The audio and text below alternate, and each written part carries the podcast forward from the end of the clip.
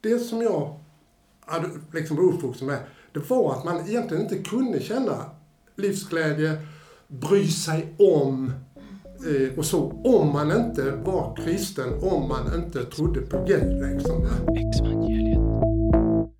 Jesus lever. Dina synder är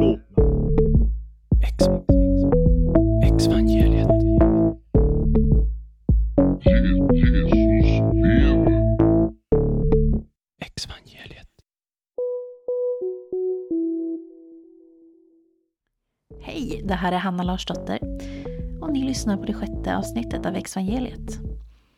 Om du lyssnar för första gången så är det här en podd om tro, rekonstruktion, dekonstruktion och att lämna sin tro.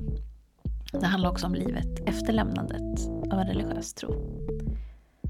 För min del var tron kristen och frireligiös. Så var även fallet för dagens gäst, Carl Gustav Olofsson. Han har växt upp inom frikyrkan och hans far var möbelsnickare, ålfiskare och predikant inom Fri Baptistsamfundet. Han döptes som tioåring men tron krackelerade tidigt. Han har ett livslångt engagerat förhållande till de existentiella livsfrågorna. Det här engagemanget rör sig i spänningen mellan kristen tro och det sekulära och gudlösa. Han är starkt engagerad i klimatfrågan och har varit med om att få till flera kvalificerade arrangemang inom ramen för Humanisterna, Kalmar, där han också är styrelseledamot. Gustav har under många år vridit och vänt på begreppen sekulär andlighet och existentiell tro. Det tyckte jag och Anna lät mycket intressant och bjöd därför in honom till ett samtal om just detta. Här kommer det, varsågoda. Carl Gustav Olofsson, välkommen till Exvangeliet. Tack så hemskt mycket. Vi är ärade. Ja, och jag kan också säga att jag tycker det är jättespännande och jag tycker ni är jättehäftiga, jättemodiga med ert sätt att ställa frågor och, och, och gå ut och bjuda in gäster och sånt. Det är, ja, det är gratulerar. Jag tycker det är spännande att ni finns med podd. Åh, tack. Ja, det värmer. Jag är här också. Vad sa du? Jag är här Anna också. är också här. Alltså jag får sluta och glömma bort att du är med. det är för att du är jämt är med. Mm. Och därför glömmer jag bort att presentera dig. Exvangeliet. Berätta mer om dig själv. Varför är du här idag? Ja, alltså jag är ju en sorts, ska vi säga, andlig släkting till er. Ja, Ja, Eh, vad och- fint. och har liksom en frikyrklig bakgrund. Mm. Bröt upp tidigt. Eh, och eh, jag kan ju säga, säga det här liksom att en sån här avgörande, liksom, för mig brytpunkt, att man gick, gled in i det här, jag är döpt som tioåring, vuxendöpt. Eh, ville väldigt gärna vara Guds barn, höra till. Eh, men sen var det ganska tidigt att det började krackelera på lite olika sätt. Eh, Och man började också göra saker, det förväntas vissa saker av en. Och man gör det och man känner att det skaver någonstans. Eh, Och efterhand, och det går ganska snabbt, ett litet dovt mörker liksom. Va? Som redan som då 11-12-åring. Mm. Och den första liksom frigörelsehandlingen var när jag på ett eh, vinterläger eh, uppe i Dalarna. Eh, och då var det sista dagen och ett sånt här förbundsmöte, en person som ville bli frälst. Och som ung, döpt kristen så var det ju självklart för mig att jag skulle följa med som bönestöd. Och det var någonting i mig som inte ville. Och jag gick till ytterdörren, ungdomspastorn stod där och frågade jag skulle, eh, ska, om jag inte skulle följa med in. Eh, Och jag sa nej, tog min ytterjacka och gick ut i 20 graders kyla. Det som jag tänkt så här långt senare, att det hedrar den här ungdomspastorn att han inte liksom tog tag i mig och sa, men varför? Men så får du inte göra. Utan han bara, han stod som och lät mig gå utan att säga någonting. Ja. Och man kan säga att från den stunden så var det någonting som började växa inom mig liksom, som hade med någon sorts början på någon sorts rakare rygg, någon sorts integritet så att där började den här resan som på ett sätt, när jag var 15 år så var jag inte längre troende, trodde inte på Gud, trodde inte på Jesu uppståndelse och ett liv efter döden. Och sen var det ändå det här som ni har pratat om flera gånger, det här att det är inte så att man bara lämnar en tro. Utan man lämnar ett helt sammanhang, en hel gemenskap som har varit liksom, det är liksom hela ens barn, barnvärld så att säga. Va? Exvangeliet. Så innan jag liksom på något sätt verkligen landar och börjar känna att det, så tar det ett antal år. Då är jag faktiskt, i hösten 69, då är jag, ja jag är född 48, då är jag, alltså jag har fyllt 21 till och med. Alltså. När det händer vissa saker, det, jag ska inte dra dem nu, men som gör liksom att jag till slut får ordentligt fast mark under fötterna. Ja, det tar ett tag alltså. Ja, det tog ett tag alltså. va. Eh, så att, eh, och där börjar hela den här resan som har med funderingar liksom, som blir så tydligt att man kan uppleva mening, livsglädje, bry sig om världen, om samhället, eh, ta ansvar, lyssna på sin inre känsla för rätt och fel, sitt hjärtas röst och, och, och våga jag ställa de här frågor, frågorna som har med sanning och osanning och sånt att göra. Liksom. Eh, trots att jag inte trodde ett spår på någon gud eller några, att man skulle straffas eller ett liv efter döden eller någonting sånt. Så det är ju liksom verkligen en, man kan säga att det är den här stora, tunga, paradigmatiska sprickan i hela alltet. Att det som jag hade liksom var uppvuxen med, det var att man egentligen inte kunde känna livsglädje, bry sig om eh, och så, om man inte var kristen, om man inte trodde på Gud. Liksom, va? Så att, så, Och det visade sig liksom inte vara så. Nej, precis. Ja. och genom att det blev så tydligt så blev det efterhand att det kändes som en, någon sorts förpliktelse från min sida att ta tag och försöka förstå de här sakerna. Liksom, va? Och på den, på den vägen är det. Så det är ju liksom, det är för fan, fan jag är 72 nu, det är för fan 50 år sedan Ja. som den resan har pågått. Liksom. Ja. Och den pågår fortfarande. Och den pågår fortfarande. och därför är jag här. Ja, för du har ju skrivit en massa spännande saker, bland annat då om sekulär andlighet, som jag och Anna också tycker är ett väldigt spännande ämne. Och som man kan prata jättemycket om. Men Mm. vi kanske ska börja med att reda ut vad vi menar med Mm. både sek- ja, sekulär andlighet och sekulär och andlighet. Liksom. Mm. Mm. Vad, vad innebär det här för dig? Ja, alltså det är ju i och för sig bra att börja med ordet sekulär. Eh, För det har ju liksom lite olika betydelser. Eller man använder för olika områden. Ja. Man brukar ju prata om framväxten av det sekulära samhället och det innebär ju egentligen bara att s- staten, kommunerna tar över mer och mer ansvarsfunktioner. Det gäller skola, det gäller oms omsorg på olika sätt, eh, inte minst eh, åldringsvård. För det var liksom, det, var inom kyrkans hägn, så att, då om man går tillbaka, ja 1800-talet och sen bakåt. Så att när de här sakerna börjar liksom samhället börjar liksom, eh, det moderna välfärdssamhället växer fram, så är det liksom en sekularisering på Just det, det. sättet. Alltså, va?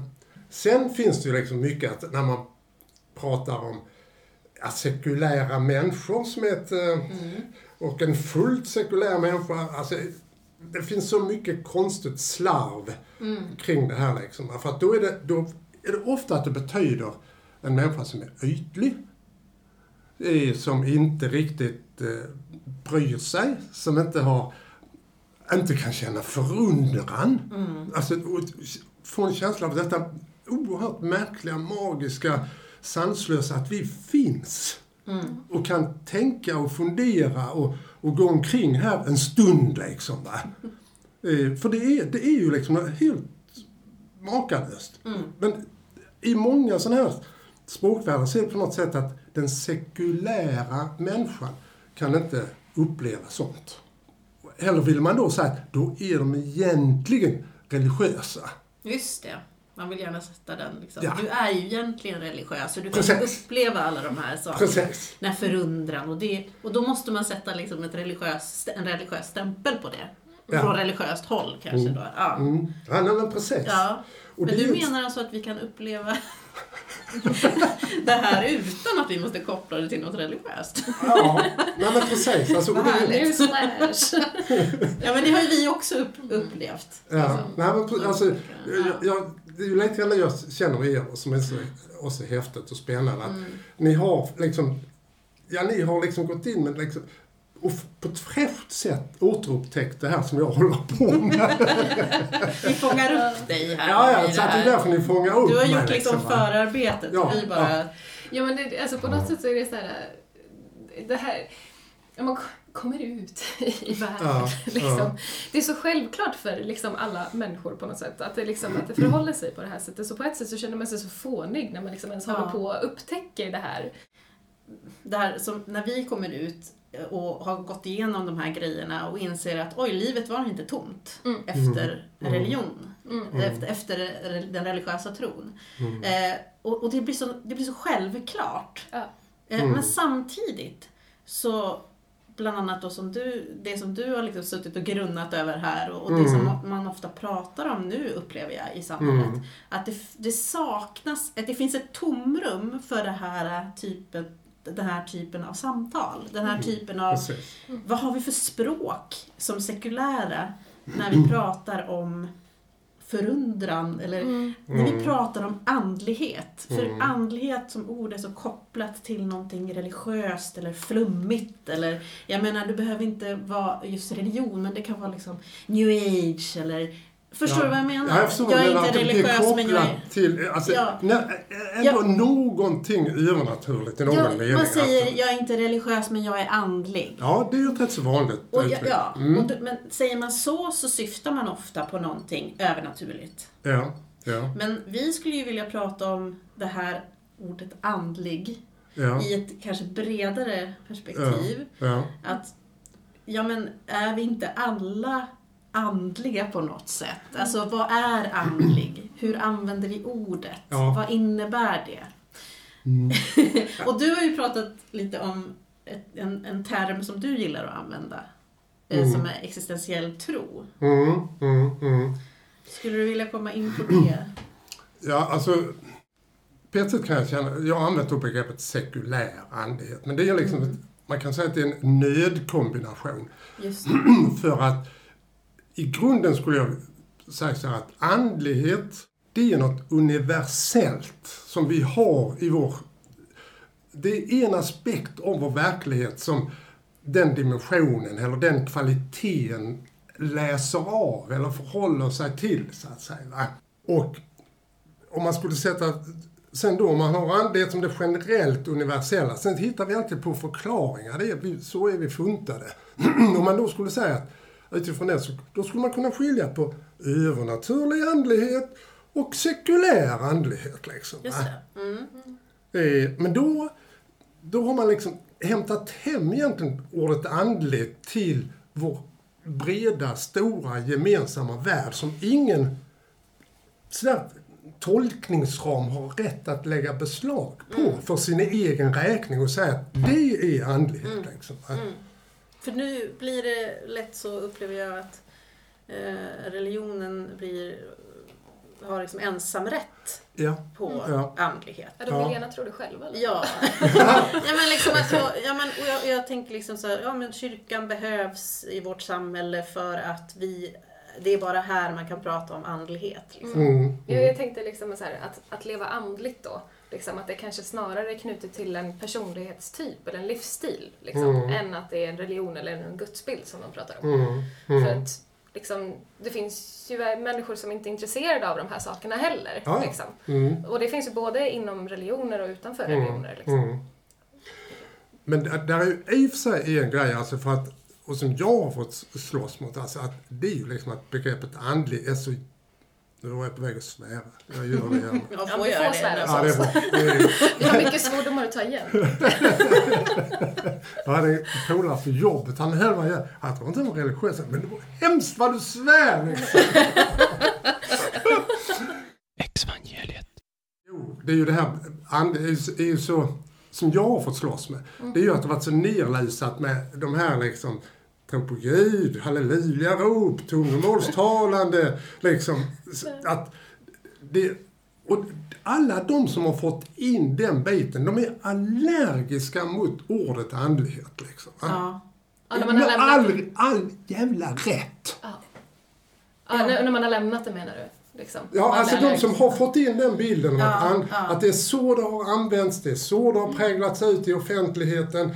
Och andlighet är någonting som har med då traditionell religiositet, gudsstyrkan, nattvard, mässor, liksom, eh, lovsång, hallelujarop. Det är andlighet. Mm. Tacka fan för att man har blivit allergisk och inte... Eh, Nej, men det, det är ju det som vi pratar om med, där, liksom, med andlig våldtäkt eller andliga övergrepp. Liksom, Ja. Att man så här, med de är här riterna, ja, Mm. här, med de här riterna liksom, tar sig in i folk och liksom, gör våld på människor på ett psykiskt plan. ja, Eh, och, och liksom, det, det kan ju verkligen bidra till sån allergi, eller vad man vill kalla det. Ja, sen är det ju det med alltså, rit och sånt. Jag har dold sida, den har ännu inte blommat ut. Men alltså riten, ceremonin, alltså kan användas för att stödja Mm. eh, inre processer. Eh, om det nu har med integritet, civilkurage, att våga eh, och att lyssna på sitt, liksom, sitt eh, samvete och hjärta. Liksom, va? Mm. eh, och ta risker. Det innebär liksom att riter som på något sätt stödjer det. Sen kan man ha riter som handlar om att stänga dörrar. Mm. Det är väldigt olika också för olika personer tror jag. Och Mm. liksom, det är ju verkligen olika saker för första och andra generationens medlemmar som vi har pratat om också. Alltså om man är vuxen och liksom väljer det här utifrån där man är för att man tycker att det stöder en i ens utveckling på något Mm. sätt. Eller om man är barn och, och liksom växer Mm. upp med det här som den enda sanningen. Och liksom, Mm, mm. Det är verkligen olika utgångspunkt och kan verkligen, alltså samma rit kan ju betyda väldigt olika för olika personer. Mm. Ja, fast sen är det ju ändå väldigt mycket hur den strukturen som bär upp riten laddar den så att säga. Ja. Det, det känner jag liksom att Sen finns det ett litet spektrumsområde där man kan lägga in det personliga. Liksom. Men hur, hur sammanhanget och strukturen laddar riten tror jag är oerhört viktigt. Liksom. Ja, Jag tänker att riter också är en del av att man vara människa. Alltså vi har ju Ja, riter Ja, ja, i vårt absolut. samhälle och så också. Så själva riten är ju egentligen ingenting som... Nu ska jag faktiskt, vi behöver inte göra paus, Nej. men jag ska gå efter ett äpple som jag ska lägga här. Så vi ska liksom, Ja. Eventuellt så kommer det till användning sen. Spännande. Ja, jag ska bara... Ja. Får vi se vad det ska vara. Newton.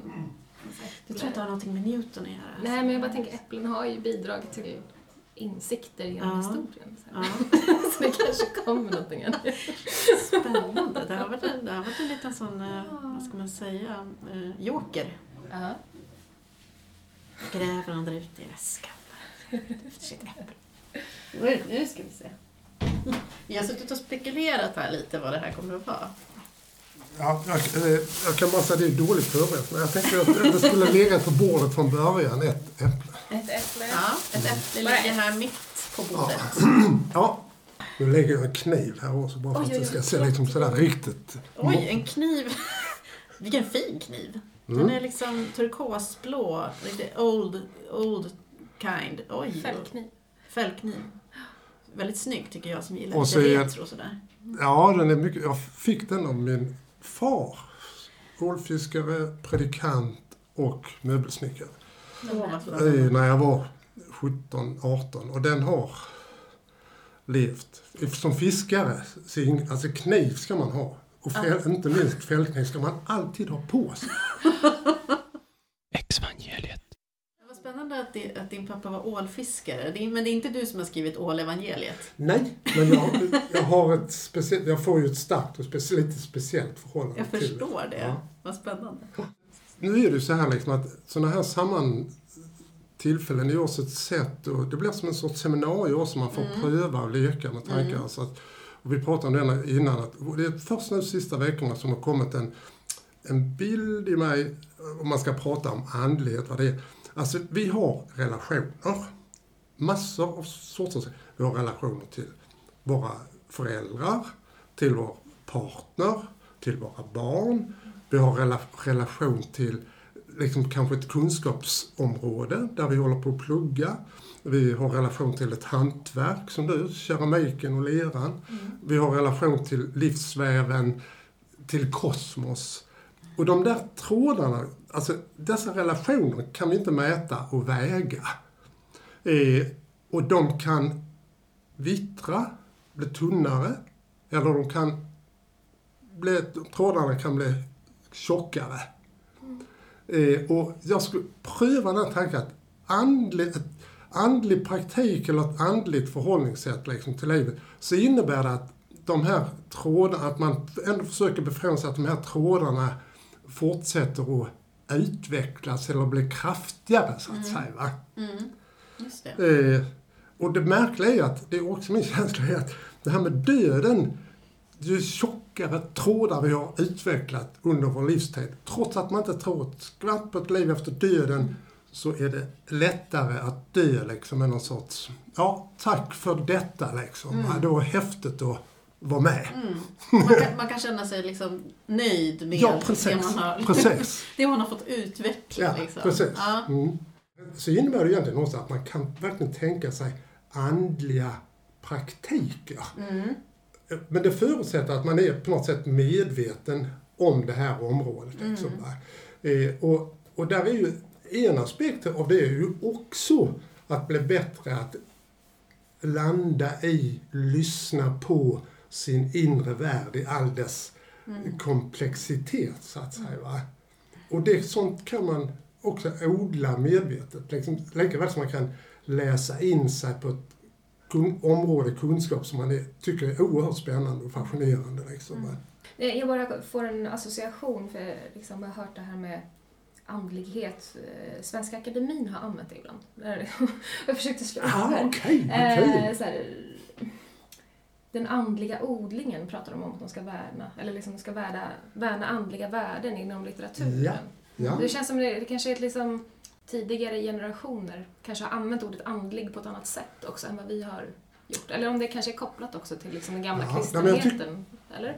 Alltså jag tycker, det, jag tycker det är jätteintressant att du fläckar in det för att alltså, det finns ju nog sådana som skulle säga att när man, alltså det här som är att odla bildning, humaniora, alltså litteratur, film, konst, alltså som, inne, som har en förmåga att fördjupa oss som människor. Det är ingen garanti, men det, ofta bra litteratur har ju den kvaliteten att vi, vi får de extra trådar, dimensioner som gör oss lite rikare som människor. Liksom. va?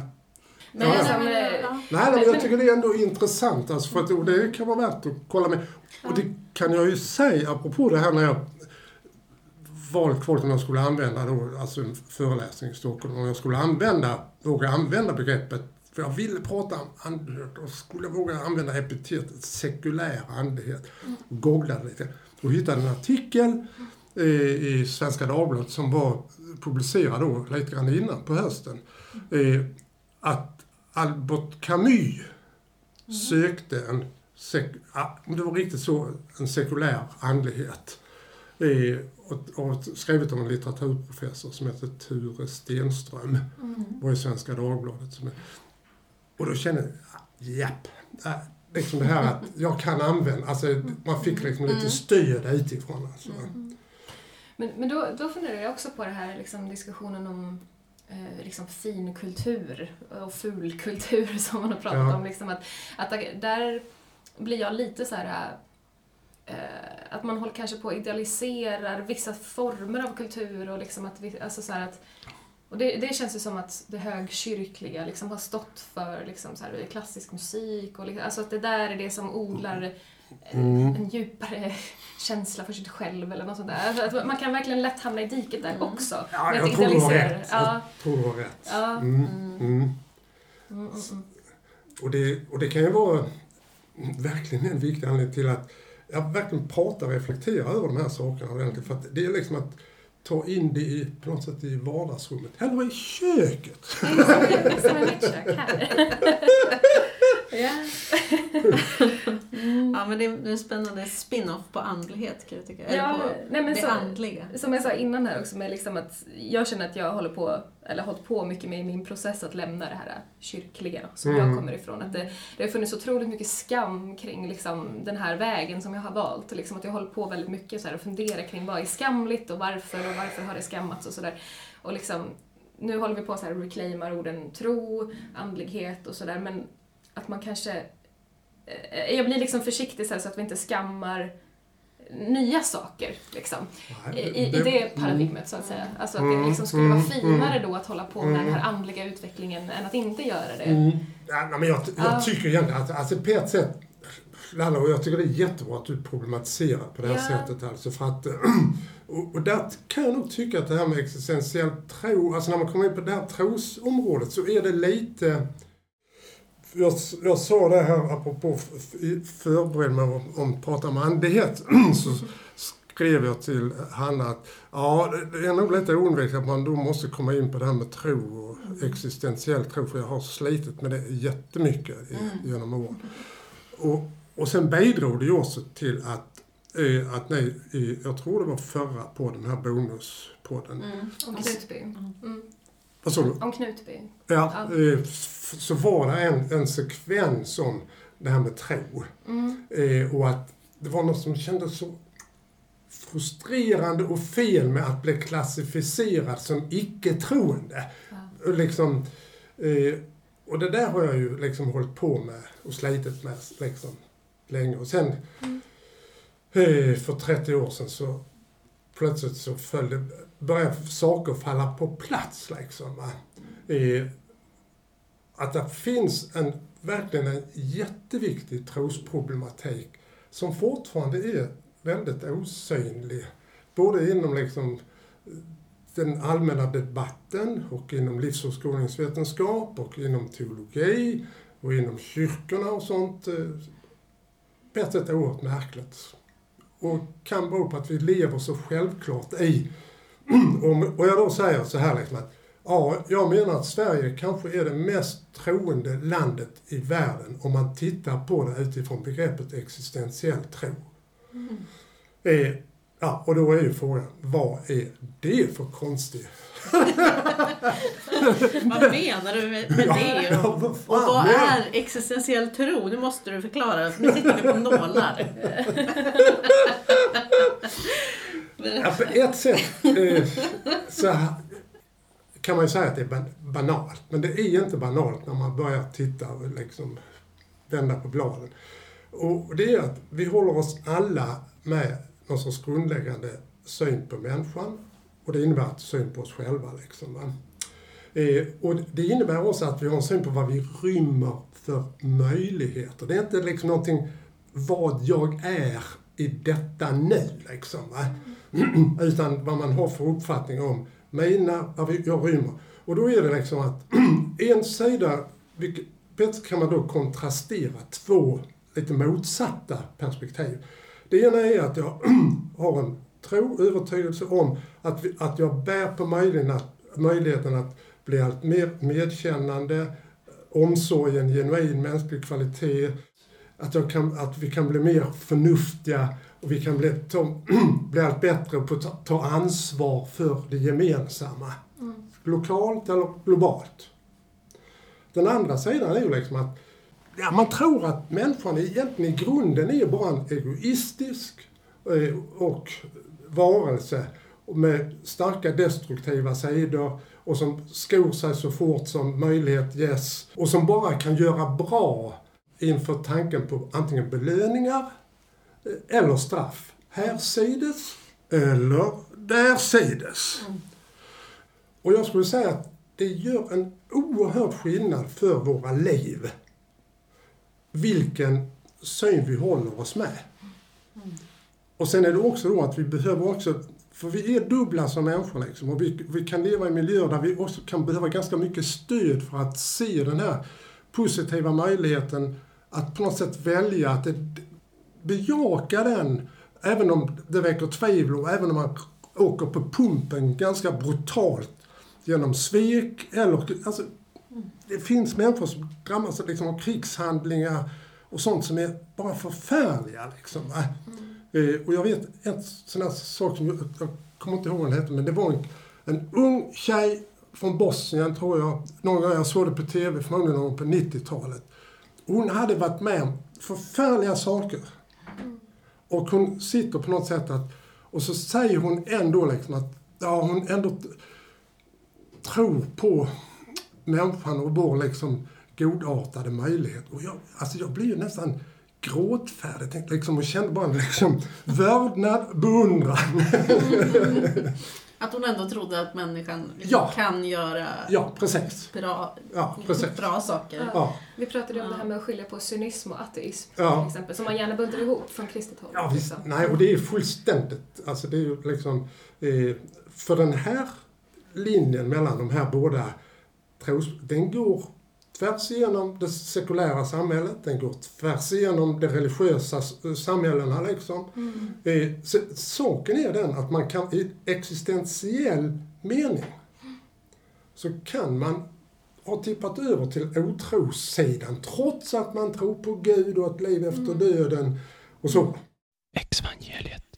Men, men vill du berätta vad du menar med det här med att Sverige skulle kunna ses som det mest troende landet? Ja.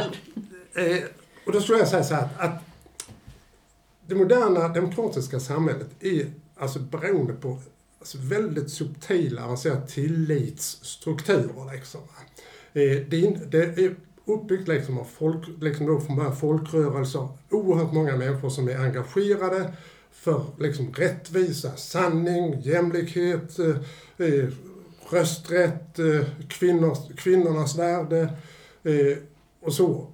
Och de här tillitsstrukturerna, de bygger liksom på att den här ska säga, existentiella tron har övertaget i den personliga livsprocessen. Det är inget så enkelt utan vi kommer liksom att eh, vackla, tvivla, tippa över ibland. Men alltså att den har övertaget i den personliga livsprocessen. Och det innebär också att de här sakerna som har med korruption, maktmissbruk och sånt blir mindre i ett samhälle där de här strukturerna är starka så att säga. det. Om man gjorde det här liksom seriöst vetenskapligt så är jag ganska säker på att en internationell studie skulle visa att, att i denna trosbemärkelse är Sverige det mest troende landet trots att det också är det mest sekulära landet i, i, i världen. Liksom. Och det kan man ju säga att det är då en paradox. Mm.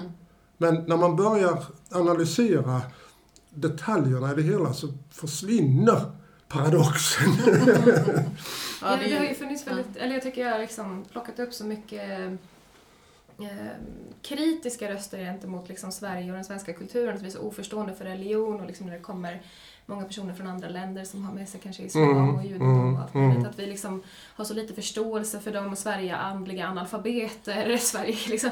Alltså att det är Mm. väldigt så här, väldigt mycket sådana kritiska röster gentemot den svenska kulturen. mm, Men det, det är intressant det som du säger där då, liksom att vad, vad är det för värden vi faktiskt värnar i vår Mm, kultur? Eh, utan att liksom för den skulle säga att alla andra är dåliga. Men liksom alltså, ja, Det- det, är bara intressant att fundera Ja, nej, det jag tror det är jätteviktigt att du säger, för att jag kan ju tänka att den andliga, andliga hälsan i samhället skulle bli betydligt bättre om vi liksom öppet, mer öppet och tydligt kunde reflektera över de här sakerna liksom. I tv-studior, över köksbord och på kaféer liksom.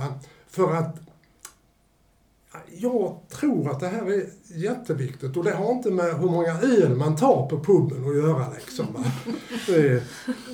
Och råkar bli lite packad.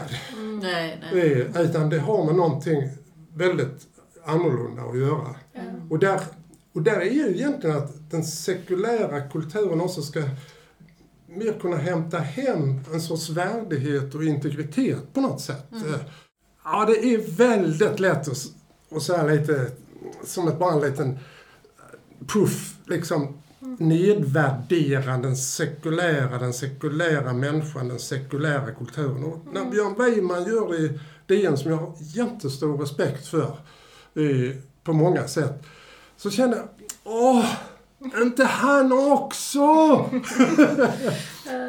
För där blir det lite grann då att en sekulär människa i undertexten, det är en ytlig människa som inte riktigt bryr sig. Han- Om jag säger så här klart så ska han nej men det är inte det jag menar. Men skriv inte på det sättet då. Så här, Men du- liksom. du hänvisar till en, någonting som Björn Wiman har skrivit. Ja. Alltså. ja. Vad var det för någonting? Ja, Ja, han är- alltså Björn Weiman är eh, kulturchef på Dagens Nyheter. Och eh, han, han, han har skrivit mycket om klimatet, jättebra. Han höll i trådarna för när man släppte fram en massa metoo-manifest. Eh, och även då det här Matilda Gustafssons Just det. reportage. Alltså. Just det, om eh, klubben där. Ja, precis. Sen har han ju någon sorts lite speciellt förhållande till det här liksom religiösa området. Och då hade han en söndagskrönika för ja, två veckor sedan, 19, Ja. 19 februari. eh, Med rubriken Ny religiös mognad är svaret på tidens kriser. Mm. Och där han även då tog upp lite Martin Hägglund som vi har Mm. rört. eh, Och där han då i någon vändning skriver att ah, han är inte, liksom, han, om han får bestämma liksom, så är han inte ungefär så sekulär som, som eh, han själv tror. Mm. Ja, då finns det ju en undertext. Mm. Björn Weiman har en upp, uppfattning om vad en sekulär människa är. Mm. Jag har också det. Hur som helst. Ja, Väldigt intressant i alla fall. Ja. Men jag tycker att det är intressant. Det- Alltså jag, det, jag blir så glad varenda gång någon tar upp sådana här frågor och liksom pratar om att vi måste tänka på ett annat sätt. Men sen kan man ju liksom vara kritisk till hur man använder vissa Ja, uttryck ja. och begrepp och språket och sådär också. Ja. Exvangeliet. Alltså, på ett sätt kan jag säga att det här med existentiell tro, tro och existentiell Ja. tro skulle jag på, olika sätt egentligen kunna hålla på och spåna kring Mm. alltså i två timmar. Liksom, eller prata, samtala om vad det, eh, vad det betyder. Och min, också det här liksom relativa upprördhet över att det är den infallsvinkeln är så frånvarande. Liksom. Jag har Ja. hållit på och jobbat med det. Jag trodde ju liksom att det skulle bli en revolution för 20 år sedan när jag fick ut min bok. Liksom då, eller publicerade den på internet. Ja. Eh, För att efter tio refuseringar. Existentiell livssyn, tankestreck, kristen tro, frågetecken. Ja. Eh, och den finns numera som e-bok också Mm. för genom en främmande människas försorg. Så man kan faktiskt köpa den på, på vilken internetbokhandel som helst. ja, men vad spännande. Jag får lägga upp eh, Och där är ett, ett eh, kapitel om existentiell tro. Det är väl kanske inte lysande stilistiskt. Jag har blivit bättre skribent allt eftersom. Men det är, det är väldigt bra.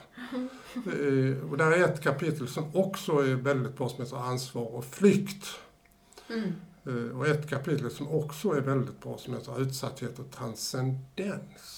Transcendens. Ja, men för det är det där. Jag tänker, alltså, om vi tänker på våra, våra tema här i podden. Mm. De, dekonstruktion och rekonstruktion. Mm, Liksom. mm, För någonting som jag har hållit på mycket med i min process, det är ju det här med att man har ju upplevt andliga upplevelser och så Mm. har man ju fått dem förklarade för sig. Att det Mm. betyder att Gud säger till dig eller det betyder att anden är närvarande eller liksom Mm. allt det här.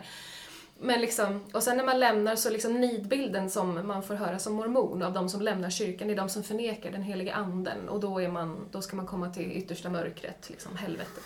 Alltså det, det är det där, det är nidbilden man får höra. Alltså liksom, Mm. Jag tror, alltså för människor i dekonstruktion, i alla fall för mig har det varit mycket så att man har behövt hitta nya förklaringar på vad de här upplevelserna är. mm, Liksom. mm, Och det finns ju förklaringar. mm. Du pratade lite om det i din föreläsning där, liksom, om så här Mm. extraordinära upplevelser, kanske resultat av psykisk ohälsa, droger, frivilligt framkallade tillstånd med religiösa Mm. riter, socialpsykologi, allt det där. Liksom. Mm. Och prata Mm. lite om det där, tänker jag. Mm, mm, mm. Nej, men jag tänkte först, jag såg nämligen Lena Anderssons föreläsning som heter En materi- materialists ande. Och Ja. hon har ett jättespännande sätt att se på det här med liksom hur hon tänker kring eh, just det här att, ja men, ja men för du och jag då Anna, vi kanske liksom mer går till så naturvetenskapen och bara Mm. hur uppstår såna här saker? Liksom. Mm, mm. Vad händer i våra kroppar när vi Mm. upplever, Mm. har en Mm. andlig upplevelse?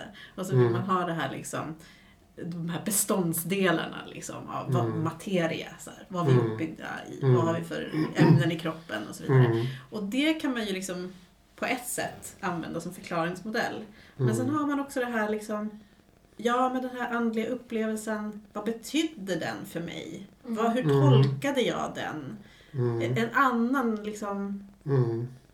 dimension eller vad man nu ska säga. Mm. En, annan, en annan som inte förklaras genom det här materialistiska. Mm. Nej, nej, men Alltså, det, det förstår tycker du? jag. Och den delen är på något sätt den som det här tolkningslagret, eller liksom som Mm. säger tolkningsmönstret eller så här. mm. Ja men vi är ju vana då vid att ha så här, vi har fått förklarat att men det du har upplevt, det du kände är den heliga ande som vill berätta någonting för dig och därför blir den här upplevelsen viktig. Liksom. Mm. Men Mm. vi vill ju också kunna säga att min upplevelse, även om det bara var psykologiska processer och saker som liksom, ämnen i våra kroppar, så betydde det någonting för oss. Mm.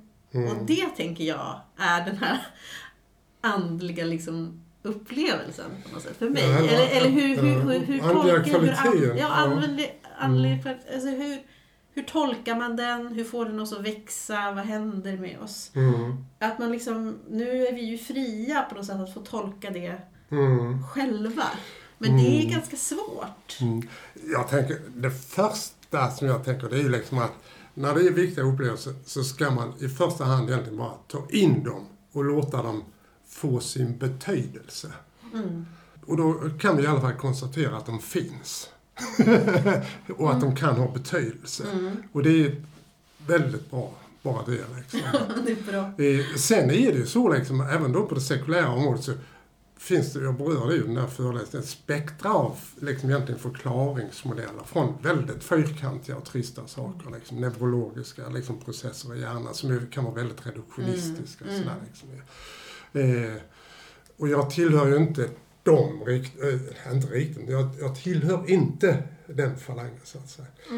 Eh, och sen har jag ju själv, och det är liksom det som, alltså man har ibland sådana nästan vad ska man säga, erfarenheter som man bär med sig och som blir liksom en sorts fortlöpande drivkraft för att också Mm. tänka kring de här frågorna. För jag hade en, och det var egentligen en sån här vändpunkt hösten 69, som det tog mig massor av år innan jag liksom kunde få in den i ordens värld. Liksom, va. Som heter teorema upplevelse, jag har kallat den så. För att det var efterbörden av en Pasolini-film. Eh, men jag ska inte berätta den nu, men den gjorde någonting med mig. Eh, och jag skulle kunna säga, säga så att då var jag 21. Jag hade ett väldigt gediget lämnat mitt kristna liksom. Va?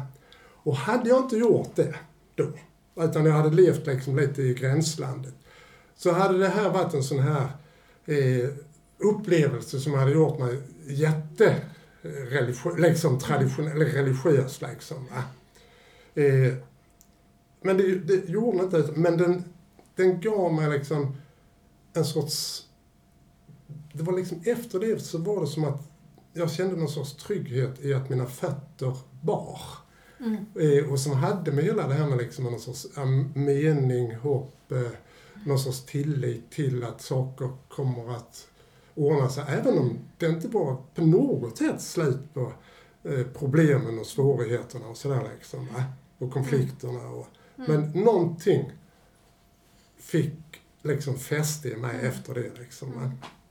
Men det är så spännande. Jag, jag märker hur du sitter och, och liksom försöker hitta ord för att beskriva det här. Mm, Och det är det här jag pratade med dig tidigare om, just så här, hur vi Mm. saknar det här språket. ja. Mm. Alltså så här, hur pratar Mm. vi om det? Mm, Vad får vi använda för ord? Mm. När blir det för religiöst? mm, ja. Eh, inom citationstecken. Ja. När, när blir det liksom... Hur, hur, för, för vi vill ju kunna prata om det. ja, nej men hur precis. gör vi?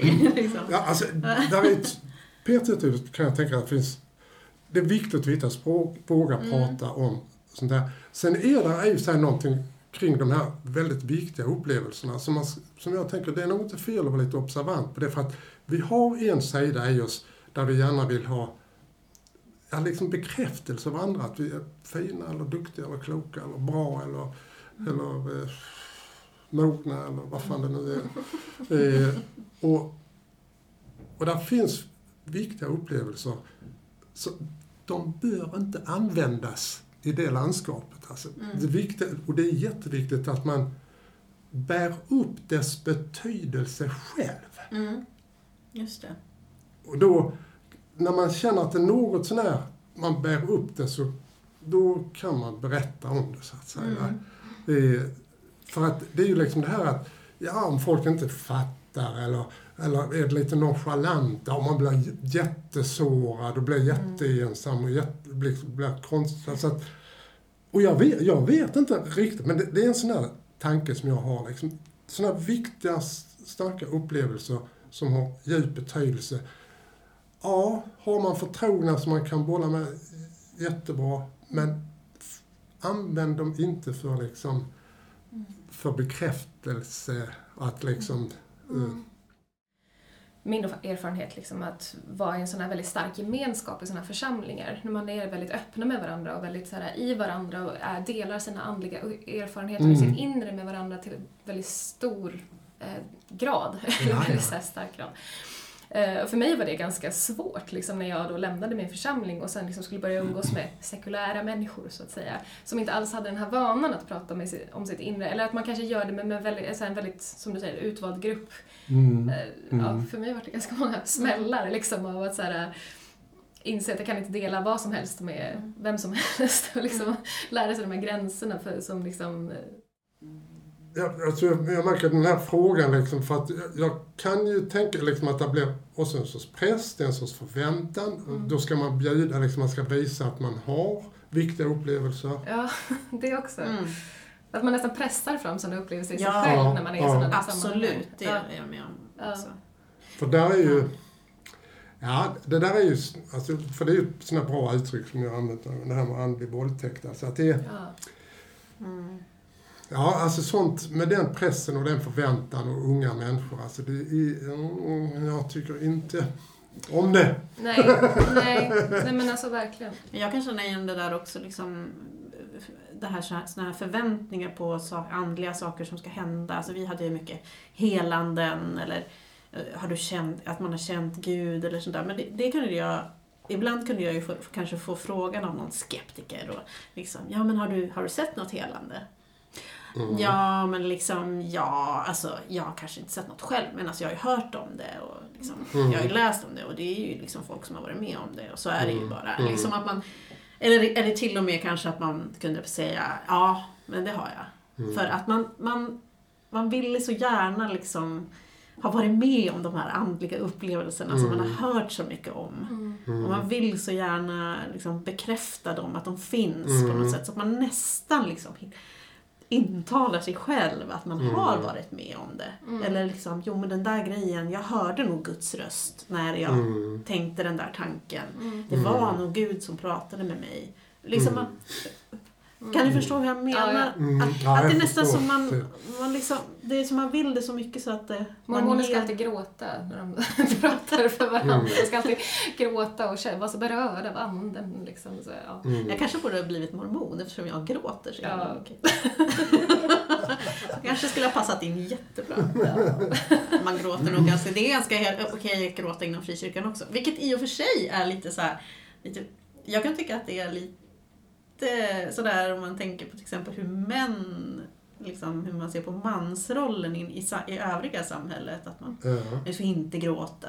Jag tycker det har varit väldigt mycket känslor som har visats inom intressant. frikyrkan. Ja. Vilket är en sån, sån Ja, här det, grej. behö- det behöver inte vara bara dåligt. Det behöver Alltså, absolut inte bara vara dåligt. Nej. Och, och också den här grejen att man, man har fått prata om djupa saker. Man har fått prata om an- andlighet. Man har fått prata om döden och Mm. så. Även Mm. om jag kanske skulle vilja ha haft ett annat typ av samtal som jag får ha Mm. idag. Mm. Men, men det, Mm. det finns en naturlighet i att kunna prata om sådana här saker. Vilket jag tror också gör att vi kan sitta här idag och prata om Mm, dem. mm. Och liksom kanske våga ta det till också så här, den sekulära världen och liksom Mm. se att det här är faktiskt viktigt att prata om. Mm. Det är saker som berör oss alla. Ja, Med precis, döden, med precis. livet, med liksom kärlek. Och, Alltså, jag tänker att det här berör ju en sak som jag tänkt på tänkt mycket på.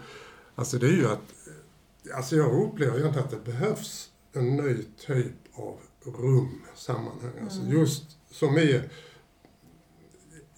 ja, där man kan prata om de här sakerna liksom. Va? och även stödja den här godartade sidan av dubbelhet och, och även uppmuntra liksom att den här ja, mörka sidan ska man inte skamma ut liksom. Mm. Att man vill skära halsen av den jäveln.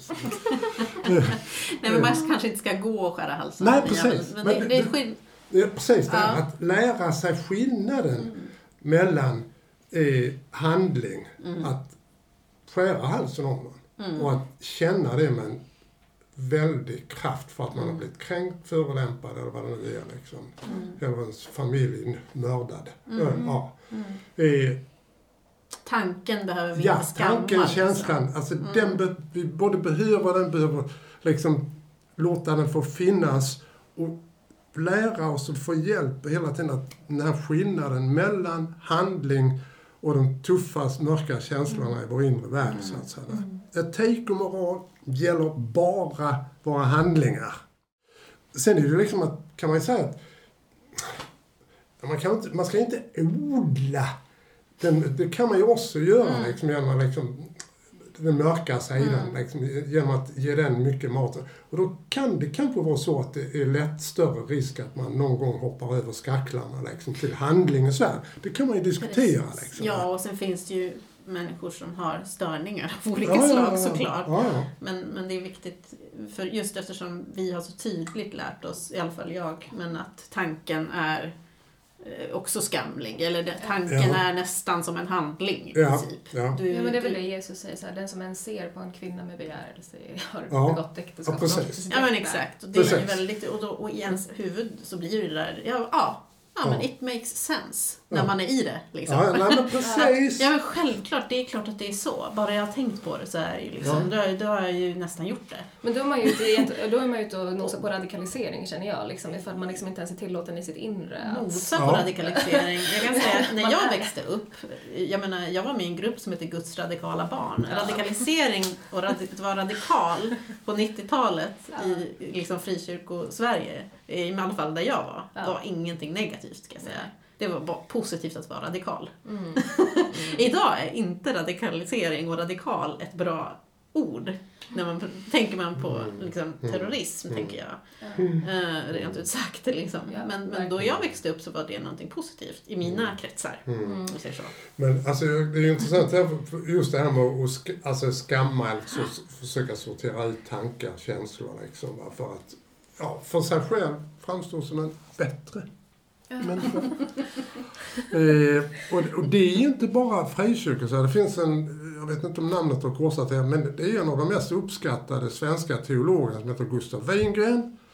Eh, som eh, Ja, inte minst är han uppskattad inom liksom rätt så liberala kretsar. Liksom. Det- Och han, är något ställe liksom där han, han verkligen återupprepar det här liksom, Jesus-citatet liksom, med full kraft. Liksom, va? Med liksom det här att det vi tänker, det är lika illa och allvarligt i Guds ögon som att göra det. Liksom, va? Och, det, och jag bara känner det är så jävla fel så att det skriker i alla väggar och all modern forskning och som våra inre världar liksom. ja. Och där hade Jesus fel, Ja. helt enkelt. ja, eller... Ja, eller tolkningen av det. Eller, alltså, vem vet vad Jesus egentligen menade med det här? Det är ju svårt att veta. precis. Och varför är det han egentligen menade mera rätt än något annat? Varför är det viktigt överhuvudtaget? Nej men Ja, absolut. ja, men men då, det, får jag, jag menar... då får jag ändå flika in en sorts tolkningsgrej. Mm. Sådär att, eh, om man ser det som så liksom att om vi ser de känslorna och tankarna i oss själva eh, och utan att liksom egentligen moralisera så kan vi faktiskt bli ödmjukare visar vi de som begår de dåliga handlingarna så att säga. va. Vi kan då börja fatta på ett annat sätt så ibland, hur ibland tunna väggarna och gränserna är. Och det gör oss mindre stödja i vår godhet så att säga. Ja, men absolut. Det tror jag är jätteviktigt. Att man, att man kan liksom se de sidorna hos sig själv Ja, och ja. med känna, som du säger, ödmjukhet eller Ja. nästan empati. Eller, Ja, jag menar, alltså, för det- jag menar, det är viktigt, tror Ja, jag. men det är jätteviktigt. Att man in, ja. Mm. För annars blir det lätt att man pekar på den onda, det ond, Mm, onda mm, liksom. mm, mm, onda handlingen som någonting som Mm. är extremt främmande från oss. mm, Fast jag mm. egentligen tror att den ligger... den finns ju i oss människor. Den, eller Det- ond, ondska vill jag inte kanske använda. Det får jag återknyta till. Ja. Alltså, vilket det nu var, det var Ondskan och godheten när jag pratade Mm. om hon, Eva, vad heter hon, Hultén Ja, just det. bok. Mm. För den är ju oerhört intressant Ja. också. Just det, i mörkrets... Nej, vad heter den? Men Resan från, ja. resan från, Resan mörkrets från hjärta. mörkrets hjärta. Ja, precis. precis. Jätteintressant. Ja. Och där tror jag också det här liksom, det finns med, alltså vi, alltså vi behöver liksom känna av mer av våra knepiga sidor i de inre världarna liksom. Va? Mm. För att både ha en bered, större beredskap liksom, för de faktiska händelserna som vi kan, och konfliktsituationerna och, och sånt som vi kan hamna i. Alltså? Eh, ja, och, och fatta mer om den här, ja, ibland tunna väggarna. Mm. Eh, och ibland hur svårt det kan vara när det blir skarpt läge att faktiskt handla och stå för det som man tycker att man borde göra. Liksom. Mm. Ja, men det, kan, alltså det där kan ju verkligen, om man tänker liksom utifrån sekter och sånt där, liksom föräldrar som hittar liksom hur man bör leva livet. Liksom. Och nu har vi hittat det perfekta livet och så får de sina barn och så uppfostrar de sina barn i det här perfekta livet. Men liksom att så här, det här, man vill kalla det ondska då, liksom, det finns ju liksom i alla människor och även i de här barnen. Så att liksom ifall man har barn helt skyddade, liksom lever i den här skyddade lilla bubblan, liksom, att mm, det har vi pratat om i något avsnitt också, att liksom, det blir så svårt för dem att, möta livet sen. För, alltså för de Mm. har inte beredskap, de vet inte vad det är, de vet, har inte verktyg för att hantera det som alla människor håller på med. Liksom, Mm. på något sätt. Exvangeliet. Jag tänkte ställa en fråga. Och innan vi går in på äpplet. och du kanske har någonting också. Men jag tänkte fråga, så hur, hur kan vi som sekulärt samhälle bidra till människors andliga utveckling, tror du? Ja, jag skulle säga att man kan göra precis som ni gör. Sätta igång en podd eh, och, och ändå börja bolla och, och jobba med de här frågorna så att säga. För att det här finns inget tydligt landskap att träda ut i utan det finns fortfarande massor av jobb att göra för att skapa liksom, eh, ja, hjälpa till med språket, våga prata eh, och utmana både den religiösa världen och den, den delen av det sekulära samhället som är ganska fyrkantig sådär eh, eh, och så. Eh, så att, ja, det är ju... Jag tänker så här, i skolan, skulle man redan där kunna ha någon typ av samtals... Alltså jag tänker att det är så en Ja. viktig del på något sätt i... Fast det är också svårt såklart i skolan, när man tänker på det ska ändå vara fritt från...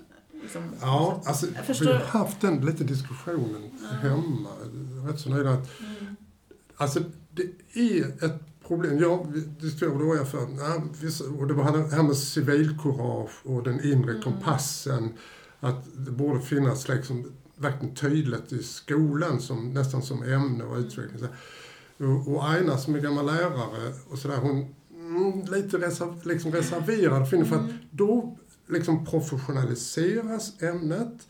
Eh, och där finns plötsligt inga riktigt garantier och säkerhet vad det är för Nej. människor som håller i det. Eh, och det är kanske så att det här är ett område som ska alltså, faktiskt byggas upp i det civila samhället av ideella krafter. Eh, om vi, vad man nu ska kalla det liksom, vet inte. Men jag tänker på den här, alltså, det finns ju så mycket egentligen spännande om man är lite tjuvaktig sådär. eh, Vilket jag mycket väl kan tänka mig att vara. så det är ju sådana här former, alltså ta, ta söndagsskolan till exempel. Va? Eh, och, jag, och jag kan mycket väl tänka mig att man kan hitta sätt att, att prata om de här viktiga frågorna också med mycket berättelser och sånt som, eh, som stödjer barn att liksom eh, lyssna på liksom det här sin inre värld, liksom rätt och fel, våga, inte våga. Eh, och att är viktigt betona då vuxna, om det nu bara är läraren i den här gruppen som ska palla att, att en unge kommer och säger jag blir mamma med min, kompis och, och jag vågade inte, jag vågade inte säga någonting. Och som då kan liksom hålla det, inte moralisera över det, utan säga att fantastiskt att du kan liksom ändå känna det och kan uppleva det så att och det är, ibland är det jättesvårt för att man blir rädd liksom. Va? Eh, och det känns utsatt. Men kanske klarar du nästa gång eller näst, nästa gång liksom. Alltså, jättebra. Mm. Skolan jag gick på som eh, ville vara lite gammaldags och traditionell så. Vi hade faktiskt en timme i veckan som hette etisk och estetisk fostran på schemat. Ja, Eh, Men jag tror att vi var ensamma om det faktiskt. Ja. Men liksom, då var det väl just det där att man ville fostra barnen i liksom Fostra etiska och estetiska men det, det var ju den allmänna skolan. Ja, det var en friskola eh, Jaha. som ligger på Södermalm här. Som, Ja. ja, kör sitt eget race i lite olika saker. Ja. Men, men just, ja, det kan Ja. jag, alltså, jag, jag, men jag, hör, alltså, jag funderar också, så här, är det skolans uppgift? Liksom? Ja, precis. Nej, alltså det Ja. är, det är en bra, jag tycker det är en Jag jättebra det fråga. är, jag tycker det är jätteintressant att prata om det. Men Ja. det är sant. Är, ja. För det, det skulle ni kunna ha en helt egen podd om med några gäster liksom. Men har de Liksom. inte någon sån här livskunskap? Eller Jo, något sånt det där tror jag är något nytt som har kommit. Men, men Men, det men jag har vet inte tydligen... vad det är. Eh, Jo, det har funnits som ämne, men det har bl- blivit lite knepigt Mm. med det liksom, för just det här som är det, ja det är är det dubbla, det är både professionalisering, professionalisering och brist på professionalisering. Alltså att ja. man plötsligt så blir det ett utfyllnadsämne, den som saknar några timmar på sitt schema Mm. ja, nej, får så ta ska det. det ju liksom, absolut inte vara tycker jag. Eh, Nej. Nej, det är viktigt att det inte blir någonting sånt. ja. Exvangeliet. Det där som jag sa innan, jag tror vi sa, jag sa det innan vi satte på micken. Mm. Men liksom att eh, hur viss religion eh, faktiskt egentligen hämmar den andliga utvecklingen snarare än stärker, som de själva vill tro. Liksom att det, Mm. det känns Fast som en... där är ju egentligen, alltså, jag kommer återigen in på det här med orden och begreppen. Vi pratade om det i början, att andlig, att jag skulle egentligen säga om 50 år, så andlig, då är det ett universellt begrepp som gäller alla. Sen skiljer man på om man har en sekulär tolkningsmodell eller om man har en övernaturlig tolkningsmodell. Mm. Och likadant med religiös. Att eventuellt, för grundbetydelsen har ju egentligen med sammanbinda, tror jag det är. Liksom. Just det. Eh, och, och då är det ju så liksom att man hade ju liksom bullshit att tänka liksom då att religion och religiös handlar bara om att förhålla sig till en övernaturlig verklighet, heliga skrifter som har dikt, antingen dikterats eller inspirerats av en högre makt. Liksom? Det blir liksom bara, liksom, det är bara en form då liksom. Eh, Och då får man liksom definiera, för nu är det ju så liksom då att för många är det ett honnörsord. Och så blir det sekulära blir utdefinierat. Så att om 50 år så kommer religiös och religion vara liksom kanske återtaget, och även de som universella begrepp. Liksom? Så jag får säga då att ja, jag är existensreligiös eller sekulärt religiös. Eh, Och de, de där, de är, deras grund är liksom en övernaturlig religiositet. Vi kanske är rädda för de här orden. Ja, men de är fyllda med så mycket. Liksom. Ja, visst, ja, visst. Man blir triggad av dem, Ja, inte visst. dit. Men jag, det, det, man får väl man får pröva sig fram lite kanske. Ja, och jag tycker Inte verkligen... vara rädd för precis, det. pröva sig fram och bråka med, både med orden och med kulturen så att säga. va? Det är liksom... eh, Gud vad spännande. jag är redo. Exvangeliet. Nu vill vi veta om det här äpplet Ja, som du tar äpplet? upp i handen här nu. Jo, det är så... Eh, det, alltså faktum är att jag tänkte att nu kan man ju tänka att, men det är inte så tanken har gått fram. Det har egentligen, men vi kan ju låta det finnas med med Eva och kunskapens träd, men det är inte det som är tanken. Nej, Det är, för det ligger ju nära till det är hands. lätt att tanken går dit. Ja. Ja. Men vi ska, jag ska, får jag ett, fat för jag ska kärna ur lite här. Jag hämtar ett fat. Är det lite predikan vi ska få här nu kanske? Nej, det här ska, det här ska bli en lite mycket enkel, eh, lite enkel rit. Okej. Mm. Nu har vi ett halvt äpple här. Som... Ja, nu har vi ett halvt äpple. Ja. Eh, och det här halva äpplet innehåller en förfärlig massa kolatomer.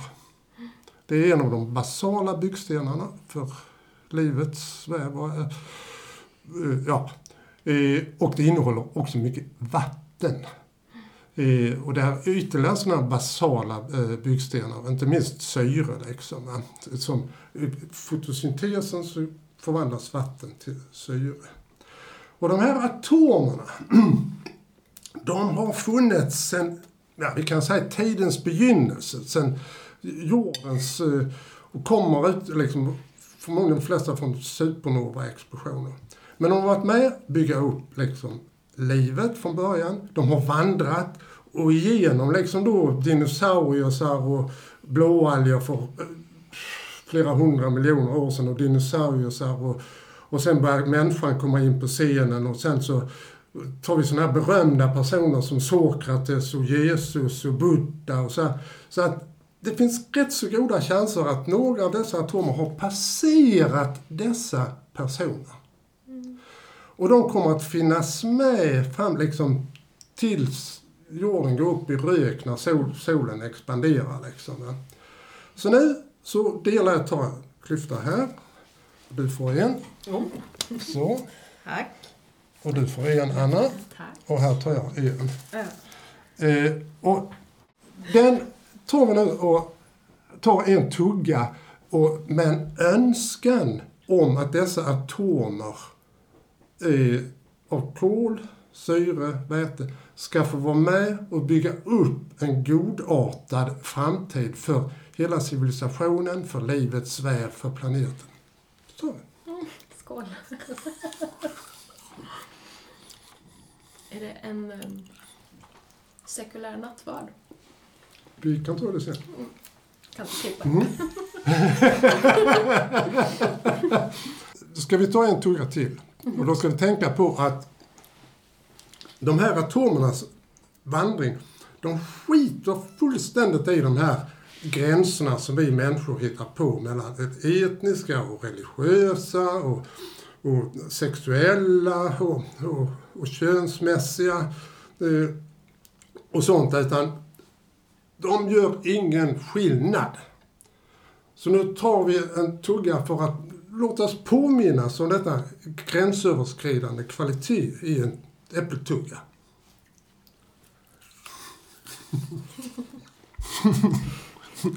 Det smakar väl gott? nu är det en bit kvar. Ja. Och den tar vi och... Och då ska vi liksom erfara att det kommer att behövas oändligt mycket av kreativitet, mod och sånt för att ja, få den här livet att vandra vidare. Liksom. Och inte minst med tanke på de, de jättelika utmaningarna kring klimat, ändliga resurser, hav, jorderosion, vatten. Eh, så sista tuggan tar vi nu för att som en sorts påminnelse om att vi åtminstone vill få skärvor av det modet. Så, slut. Det var slut. Tack för den riten. Vilken surprise. Wow. En liten eh, helig stund Ja. på något sätt. Mm. Tack så jättemycket för att du kom hit idag. Mm. Ja, jättespännande, jättetrevligt och så. Vi känner oss berikade. Jag känner mig berikad. Ja. Och eh, ja, vi får fortsätta fundera på det här Mm. med hur vi kan eh, jobba med också en sekulär andlighet. Ja. Nej, alltså det finns oändligt mycket att göra på det här området. Så att det är liksom, ja, kreativitet på olika sätt. Och jag tror att ni bidrar med någonting. Alltså det är det här liksom, det, ja, har ni en minut till så är det, det är ändå det är en fundering som har kommit här de sista dagarna. Det är liksom, när man har varit med om den här rätt så lite knepiga livsprocesserna och sammanhangen, så är det möjligt, när man börjar alltså då frigöra sig, klarar av uppbrottet så att säga, va?